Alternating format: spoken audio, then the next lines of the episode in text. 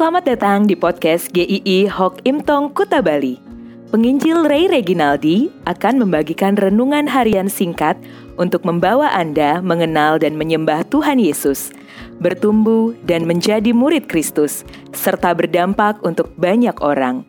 Jika Anda merasa diberkati melalui renungan ini, silahkan bagikan podcast ini agar orang lain juga diberkati. Inilah renungan hari ini.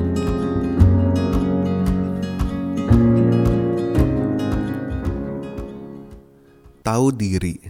Lukas 18 ayat 14. Aku berkata kepadamu, orang ini pulang ke rumahnya sebagai orang yang dibenarkan Allah, dan orang lain itu tidak. Sebab barang siapa meninggikan diri, ia akan direndahkan, dan barang siapa merendahkan diri, ia akan ditinggikan. Pada umumnya, orang senang jika dianggap atau diperhitungkan jasa-jasanya. Tetapi salah satu jebakan yang berbahaya bagi orang Kristen adalah saat merasa dirinya layak untuk diselamatkan, untuk berdiri di hadapan Tuhan, untuk dipilih Tuhan karena jasa-jasanya.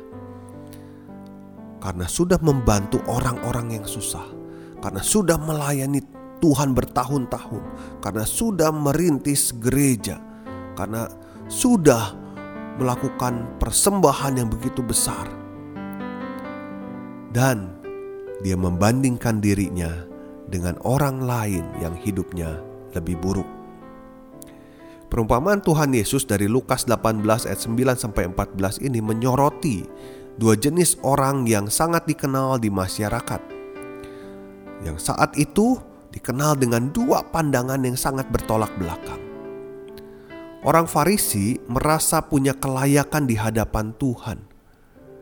Ini ucapan syukur yang aneh, doa yang aneh, karena ucapan syukur orang Farisi ini penuh dengan kesombongan. Dia menderetkan prestasi pribadinya di hadapan Tuhan. Dia merasa dia itu cukup baik, cukup layak, karena dia sudah berusaha sebaik-baiknya. Dia merasa dirinya lebih baik dari orang lain karena dia tidak melakukan kejahatan seperti orang lain. Dia juga mengukur dirinya baik karena kegiatan agama yang tidak lalai diikutinya. Orang ini memandang dirinya begitu baik di hadapan Tuhan karena segala pencapaian pribadinya. Satu lagi adalah pemungut cukai. Rasanya orang ini pasti kaya secara harta. Tapi dia tahu di hadapan Tuhan tidak ada sesuatu pun yang bisa dibanggakan dari dirinya. Dikatakan dia berdiri jauh di belakang. Mungkin di bagian orang-orang bukan Yahudi di pelataran itu. Di pelataran luar. Dia juga memukul dirinya. Mungkin di tengah kerumunan orang-orang tidak melihat, tidak memperhatikan juga dirinya. Pemungut cukai ini mengerti di hadapan Tuhan, dia tidak layak bahkan untuk menengadahkan kepalanya dalam berdoa. Dia tahu dia orang berdosa, dia butuh belas kasihan Tuhan. Dia hanya meminta Tuhan mengasihaninya. Dia nggak punya apa-apa untuk dibanggakan di hadapan Tuhan. Hanya beberapa kata dari doanya itu. Ya Allah, kasihanilah aku orang berdosa ini. Mungkin dia menangis. Dia seperti seorang pengemis yang benar-benar miskin, gak punya apa-apa, hanya memohon belas kasihan dari orang lain untuk memberi. Dia gak bisa paksa orang lain memberi. Dia hanya butuh belas kasihan. Kata kasihanilah secara harafiah bisa berarti diperdamaikan. Artinya dia memohon bisa ada hubungan kembali dengan Tuhan Tuhan bisa menerimanya bukan karena dia layak untuk diterima. Dia tahu hidupnya mengecewakan. Dia tahu mungkin dia sudah banyak berbuat dosa. Tapi dia mohon belas kasihan Tuhan. Dia mau kembali pada Tuhan. Orang ini memandang dirinya begitu buruk di hadapan Tuhan. Tetapi dia melihat Tuhan itu begitu baiknya. Begitu baiknya.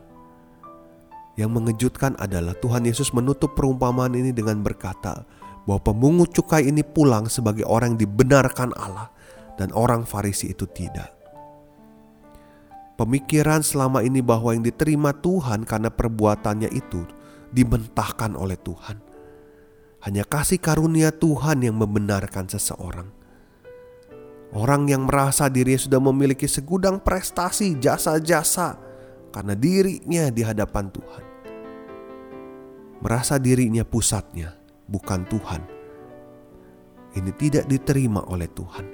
Tetapi orang yang tahu diri adalah orang yang tahu dirinya orang berdosa dan perlu belas kasihan Tuhan.